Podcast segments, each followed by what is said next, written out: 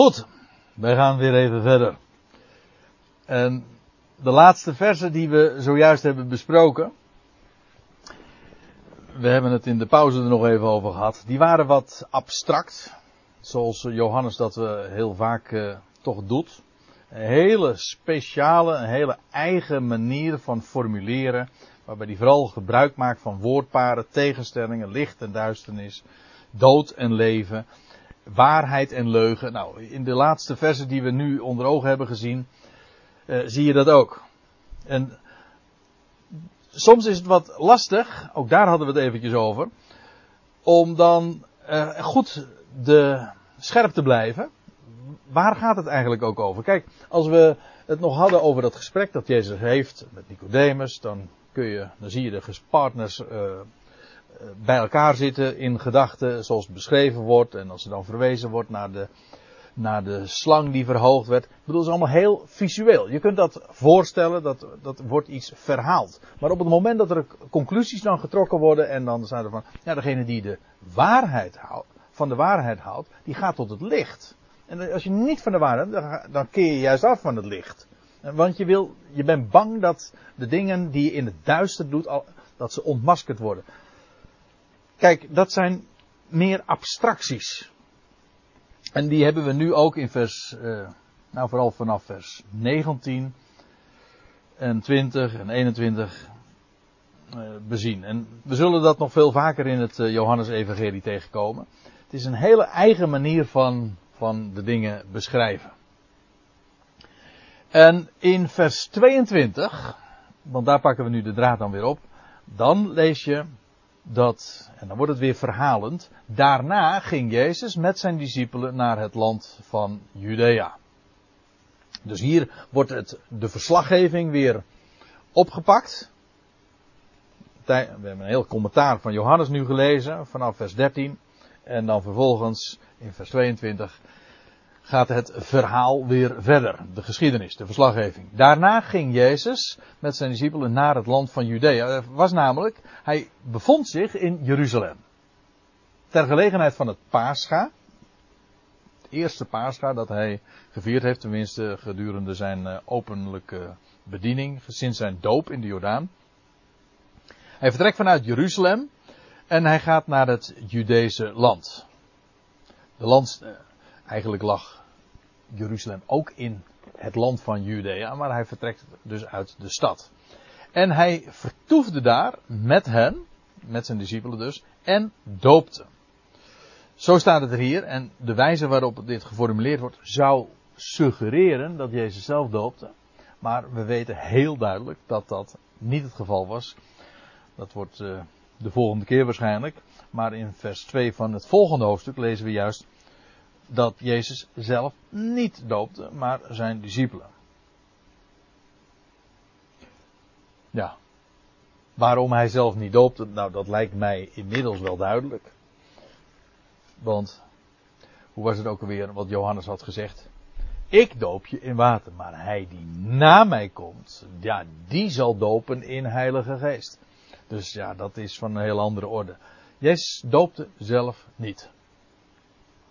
Maar goed, uh, eigenlijk is het zo dat Jezus en zijn discipelen dus een, dezelfde praktijk erop nahielden als Johannes.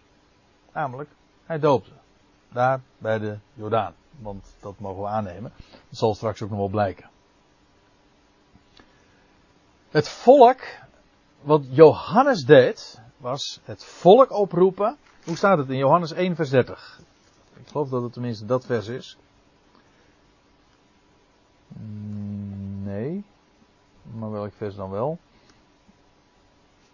Ja, vers 31. En dan zegt Johannes, de doper, en zelf wist ik niet van hem, maar op, opdat hij aan Israël zou geopenbaard worden, daarom kwam ik dopen in water. Johannes 1, vers 31. Dus het doel van Johannes was, dat dopen in water, opdat hij aan Israël geopenbaard zou worden. Dat was dus een hele duidelijke missie, een missie met het oog op dat volk. En de doop in water staat ook helemaal in dat teken. En, en Jezus en zijn discipelen zijn daar in uh, meegegaan om het volk voor te bereiden.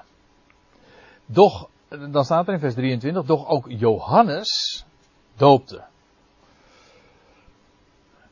Ook Johannes was daar dopende. Te, eerder lezen we in hoofdstuk 1 vers 28 te Betanië over de Jordaan, dus in het overjordaanse, aan de andere kant van de Jordaan. Mooi, mooi beeld. Hè? Je gaat door de Jordaan en dan kom je aan de andere kant. Wel, daar doopte hij. En dat was. Je leest in Matthäus 3 daarover. Want het is een enorme volksbeweging geweest. Vergis u niet. Wat Johannes, waar Johannes mee kwam. Men wist ook van ja, de tijden waren rijp voor de komst van de Messias. Als u daar meer over wil weten, moet u de volgende keer komen naar de Bijbelstudie in de Aken in Rotterdam. Want dan ga ik het erover hebben. De tijd was vervuld, de tijd was nabij. En dus als Johannes in een hele bijzondere verschijning dan uh, een, de oproep doet van het koninkrijk der hemel is nabijgekomen. Ja, dan uh, het hele volk uh, kwam in beweging. Toen liep Jeruzalem en heel Judea en de hele Jordaanstreek tot hem uit. En ze lieten zich in de rivier, de Jordaan, door hem dopen. Of zij werden in de rivier, de Jordaan, door hem gedoopt. Om de beleidenis van hun zonde. Toen hij, en daar staat er al bij, dan zie je meteen ook wat er aan de hand is. Toen hij nu zag dat vele van de fariseeën en de sadduceeën tot de doop kwamen, zeide hij tot hen, heel aardig en sympathiek en wervend, hè, gebroed, wie heeft u een wenk gegeven om de komende toren te ontgaan? Nou, dat was niet iemand die erop uit was om veel publiek, eh, zeg maar, te verzamelen of uh, stroop om de, om de mond te smeren. Hij was dus echt recht voor zijn raap.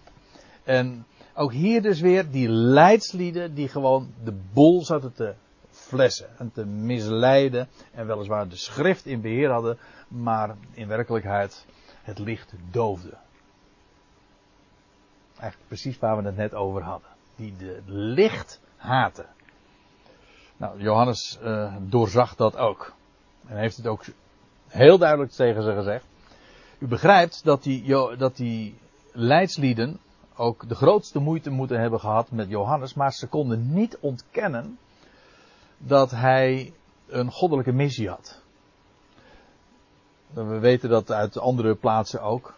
Maar dat was vooral omdat het, het hele volk met de grootste achting over Johannes de Doper sprak. Dus het was eigenlijk ook daarin weer angst. Angst, hoe grote rol dat speelt in, uh, in de wijze waarop je je opstelt. Goed, dus dat eventjes als achtergrond van wat er aan de hand was toen Johannes daar aan het, uh, toen Johannes aan het dopen was. Uh, ook Johannes doopte te Enon bij Salim omdat er veel water was.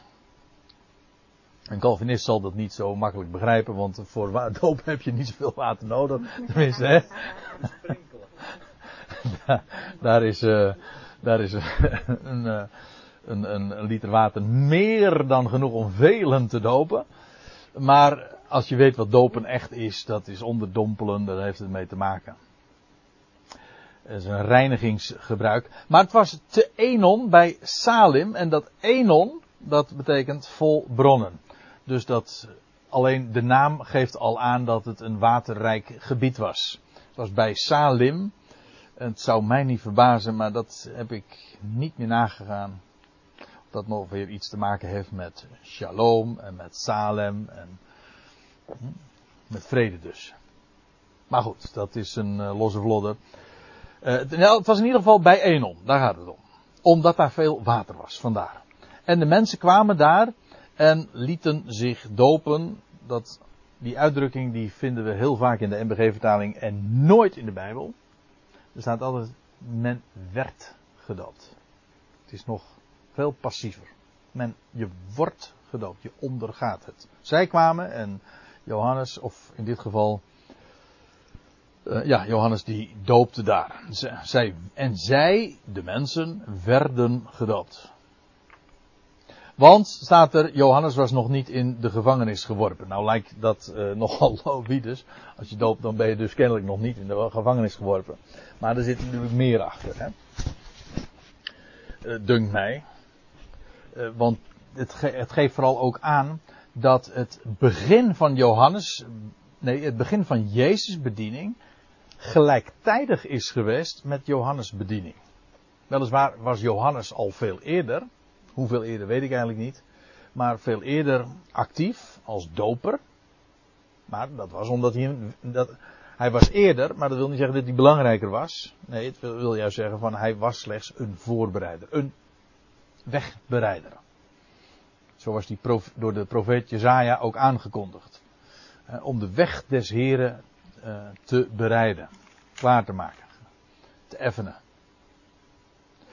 En eh, het, als u het mij vraagt, het eerste half jaar, als Jezus gedoopt is, zo in het najaar bij het begin van het Joodse jaar. En dit was net na het paasgaan, dan is dat een half jaar verder geweest. En dit was tegen de tijd dat Johannes gevangen genomen zou worden. Dus een, uh, er is een, dus een gelijktijdigheid van pakweg een half jaar geweest. Dat beiden daarmee dus bezig waren. Johannes was op dit moment nog niet in de gevangenis geworpen. En dat zou, oh, de, de wijze waarop dit geformuleerd wordt, geeft ook aan van, uh, dat zou zeer binnenkort gaan plaatsvinden. Er rees dan, vers 25, geschil, een kwestie, tussen de discipelen van Johannes met een Jood over de reiniging. En de reiniging, dat is gewoon doop. Hoe reinigde een Jood zich? Door zich te dopen of Johannes op zijn spectaculaire nieuwe manier door gedoopt te worden. Daarom was Johannes de doper. Hij doopte anderen. En dat kende men niet. Maar het fenomeen van dopen en je reinigen. En de mikva, zoals de Joden dat noemen.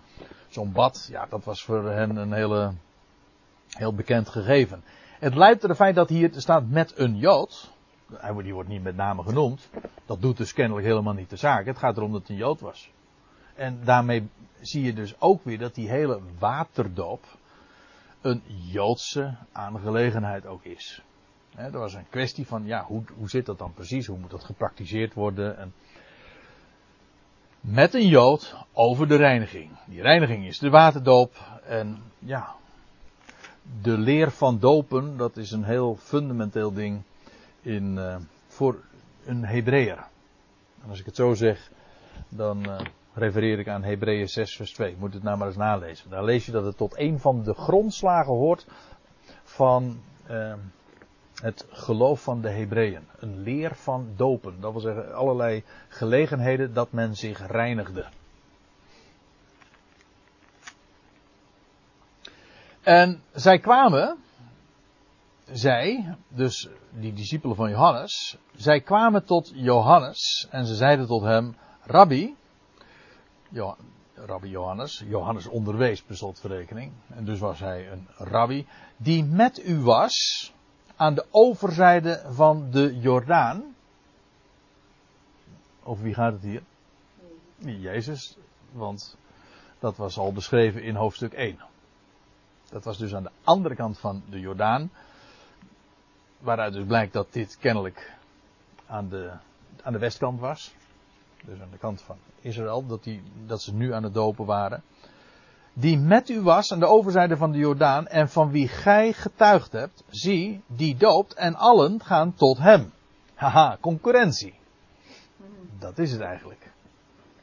Dat is, ja, wat zij nu ontwaren. Van, ieder, allen let op dat woord, allen gaan tot hem. Dat zal wellicht overdreven geweest zijn van hen, maar niettemin. Uh, wat men zag is dat ze nu niet meer naar, naar Johannes toe gingen, maar naar Jezus en zijn, naar Jezus' discipelen. Hoe zit dat? En let dan op de wijze waarop Johannes daarop reageert. En hoe groot het verschil ook is tussen zijn leerlingen en dat wat Johannes zegt. Johannes antwoordde en zeide, geen mens kan iets aannemen, eigenlijk iets in ontvangst nemen, zelfs niet één, ziet u? Zelfs niet één ding. Staat hier iets, gewoon Zelfs niet. Helemaal niets. Geen mens kan iets ontvangers nemen of het moet hem uit de hemel gegeven zijn. En waar zou, waar zou Johannes hierop gedoeld hebben? Wat denkt u? U weet wel, Johannes Evangelie, dat is zo'n heel simpel evangelie. Stelt ons nooit voor vragen. Maar ik heb dan toch, als dat zo zou, zo zou zijn, dan heb ik toch een vraag. Over wie zou Jezus Johannes hier hebben dan?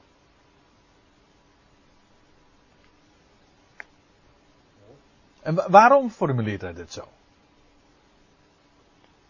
Doelt hij hier op zichzelf? Of doelt hij juist hier op Jezus?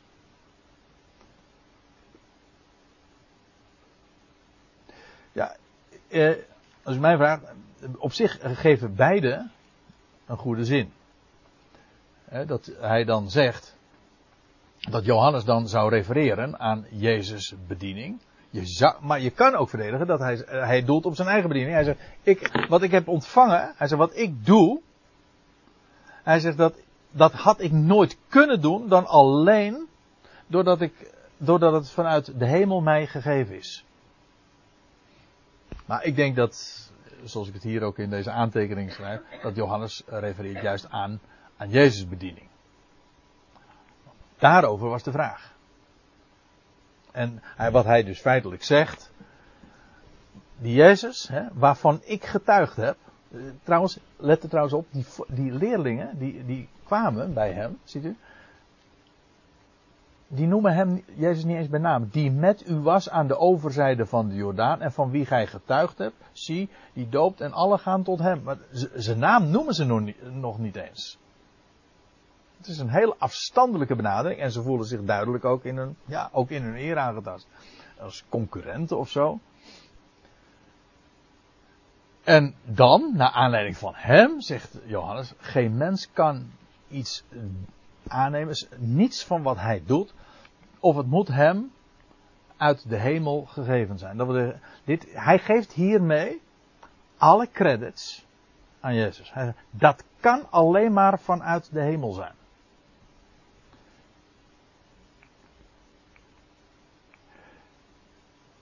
En nou gaat hij dat nog nader motiveren. Hij zegt, jullie kunnen zelf van mij getuigen dat ik gezegd heb, ik, ik ben de Christus niet.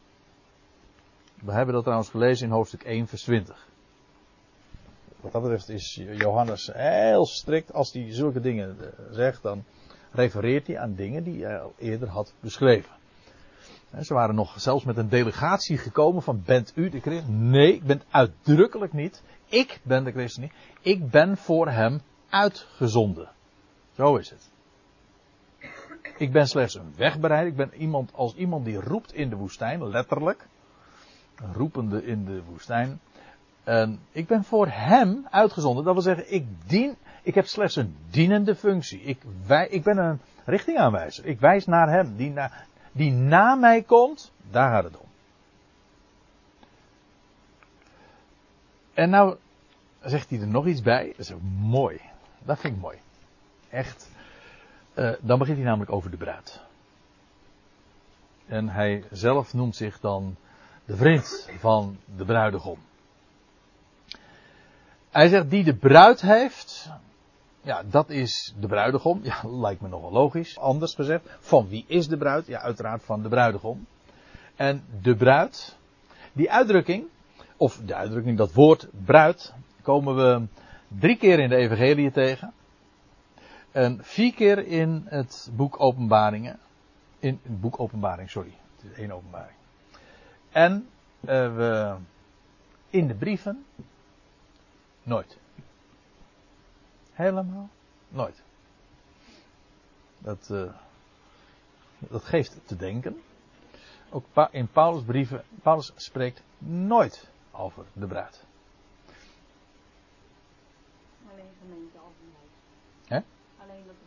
Stralend als een bruid voor. Nee, nee, is ook geen bruid. Nee, het woord bruid komt niet ene keer voor. Waar je nu aan refereert is dat hij de gemeente. Nou wordt uh, de gemeente wel vergeleken met, met Eva. Een, eh, een, man zal zijn vader en moeder verlaten en zijn vrouw aanhangen. En die twee zullen tot één vlees zijn. Maar dan is de gemeente het lichaam. Maar dan, en, en het type is dan Eva. Maar Eva is nooit een bruid geweest. En Paulus zegt, dit geheimenis is groot. Maar het idee is daarbij niet dat van een bruid. Bij een bruid is de gedachte juist van uh, de gemeenschap, het huwelijk, dat wacht op de toekomst. Maar terwijl Paulus' onderwijs juist is, we zijn als één lichaam met hem verbonden. Wij, wij zijn juist niet de bruid, want we zijn met hem als één vlees verbonden. Dat zijn twee dingen die uh, tegenover elkaar zelf staan.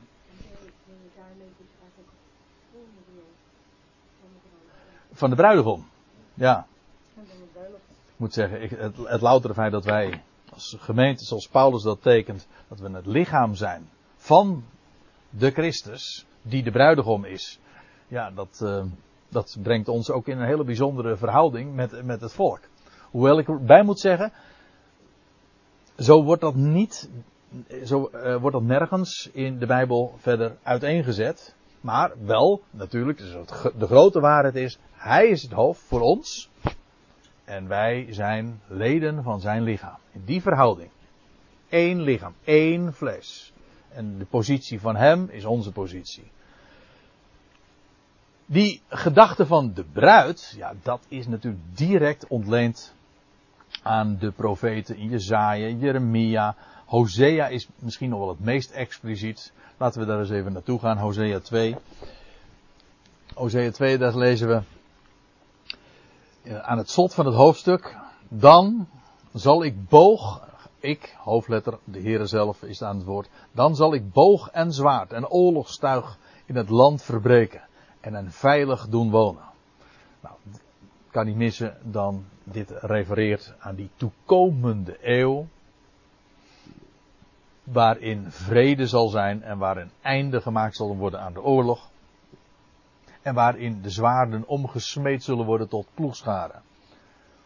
Kortom, het hele oorlogstuig gaat dan een, eh, een nuttige functie vervullen. Tot opbouw. Dan weten we dus over welke tijd we het hebben. Dan. En dan staat erbij. En ik zal u, volk Israël, tot bruid werven voor eeuwig. Voor de Olaam. Voor de, voor de eeuw. En dan nog een keer. Ik zal u mij tot bruid werven. Iedere keer. Ik zal. En ik zal dat doen. Ik zal u werven. Kopen. En ook zodat je van mij bent. Die de bruid heeft, dat is de bruidegom. Ik zal u mij tot bruid werven door gerechtigheid en recht, door goede tierenheid en ontferming zeggen, hij doet recht. Hij vervult zijn woord. En het is zijn goede tierenheid ontfermen. Hij ontfermt zich over zijn volk. En dan staat er nog achter in vers 20. Ik zal u mij tot bruid werven. De derde keer. Door trouw. En gij zult de Heere kennen. Wat trouwens ook de gedachte in zich heeft van gemeenschap hebben met hem. Nu is het volk, feitelijk, ja, nog bruid. In afwachting van de bruiloft. Die gaat komen. En straks, als het daadwerkelijk zover zal zijn. Wel, dan is de trouw van God die garant staat voor een succesvol huwelijk. Want ook het Oude Testament wordt beschreven als een huwelijk. Alleen dat ging, ging niet goed. Het oude verbond. Dat werd verbroken. Het nieuwe verbond is een is een verbond een blijvend, omdat daar geen voorwaarden meer aan het volk gesteld worden, maar de Heer zelf belooft en vervult en doet alles. Ik zal, ik zal, ik zal. Maar ziet u, die gedachte van bruid. Volk wordt tot bruid gemaakt. Maar ook dit is weer thema van het Johannes-evangelie. Want hoe was het ook weer in het voorgaande hoofdstuk, Johannes 2? Dat begon met een bruiloft. Op de derde dag. Na twee dagen, op die derde dag is er een bruiloft. En daar was de Heer ook. Nou, over de profetische betekenis, dan hebben we toen, toen het uit gehad. Maar, ja, hier wordt daar opnieuw, alleen dan door Johannes de Doper, aan gerefereerd. over de identiteit van de bruid hoeven we dus totaal geen, niet, hoeven we niet te speculeren. De profeten hebben dat gewoon klaar en duidelijk neergelegd.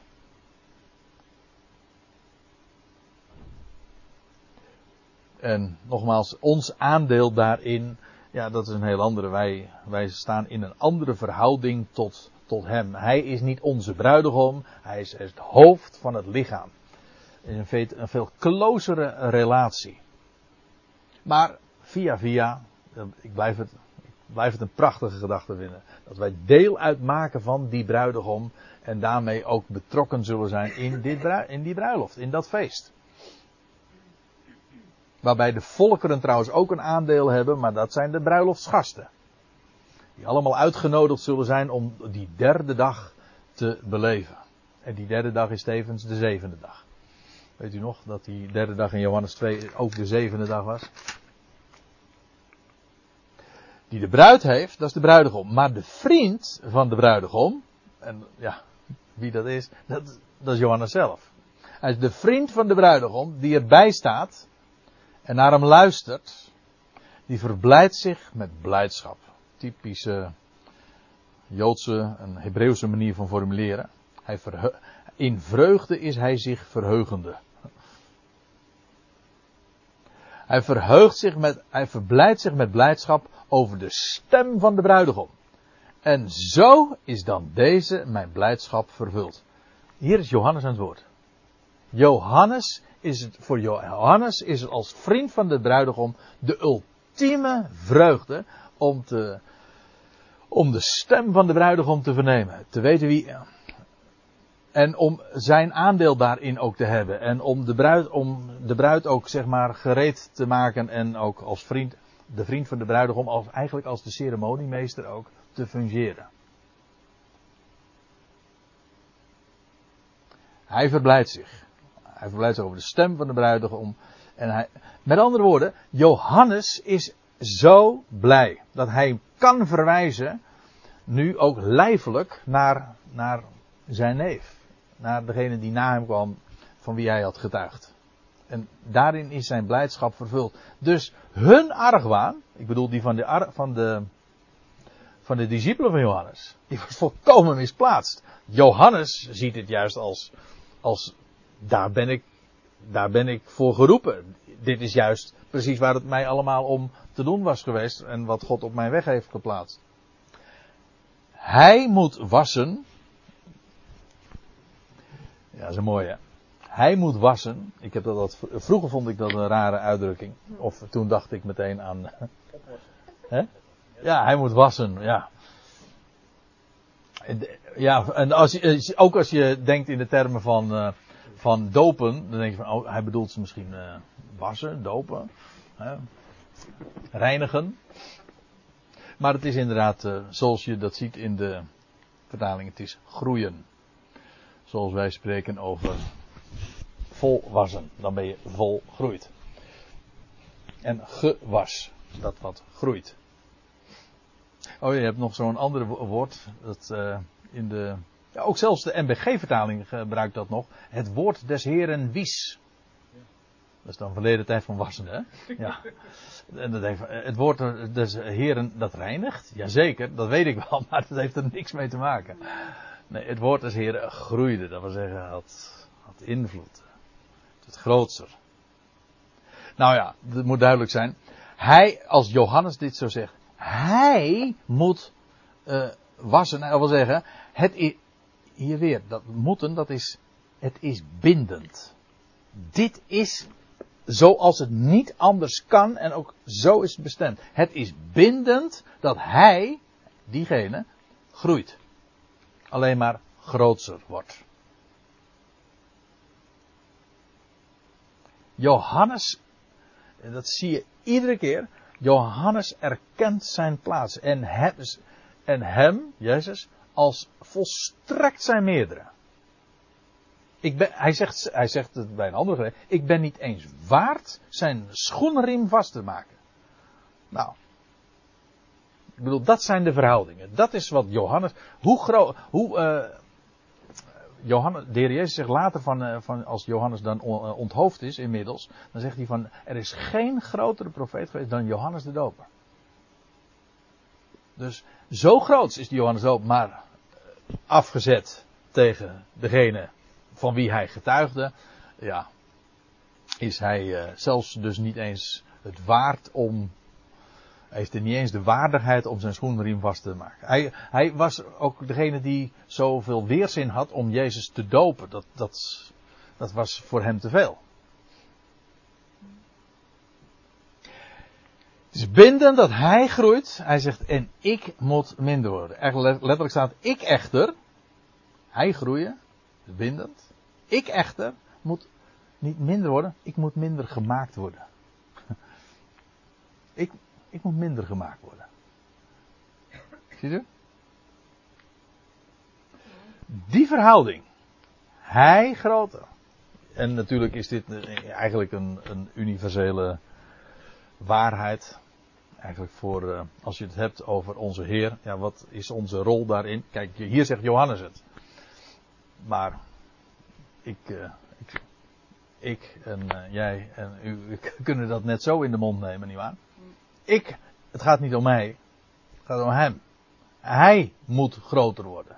En ik, nou, ik, iemand zei een keer, dat vond ik wel leuk. Weet je wat de definitie van geestelijke groei is? Dat je steeds kleiner wordt. Hè? We moeten er zelf tussen, onze eigen iets moeten tussenuit. Ja, ja, ik denk dan aan Paulus' woorden van, uh, wat zegt hij in Galaten 2? Nou, help me even. Galaten 2 vers 20. Uh, met Christus ben ik gekruisigd. En toch leef ik. Dat is niet meer mijn ik. Maar Christus leeft in mij. Ik moet minder worden. Nou. Dan krijgen we vanaf vers 31. Dat is het slot dan van uh, Johannes 3. Dat zijn dan nog weer woorden. Als u het mij vraagt. Maar daarover dan de volgende keer meer. Weer opnieuw commentaar van Johannes. Ik bedoel nu de schrijver dus. Ja, dat is soms wat verwarrend. Maar... Ik stel voor dat we het dus eventjes hierbij laten voor uh, vandaag.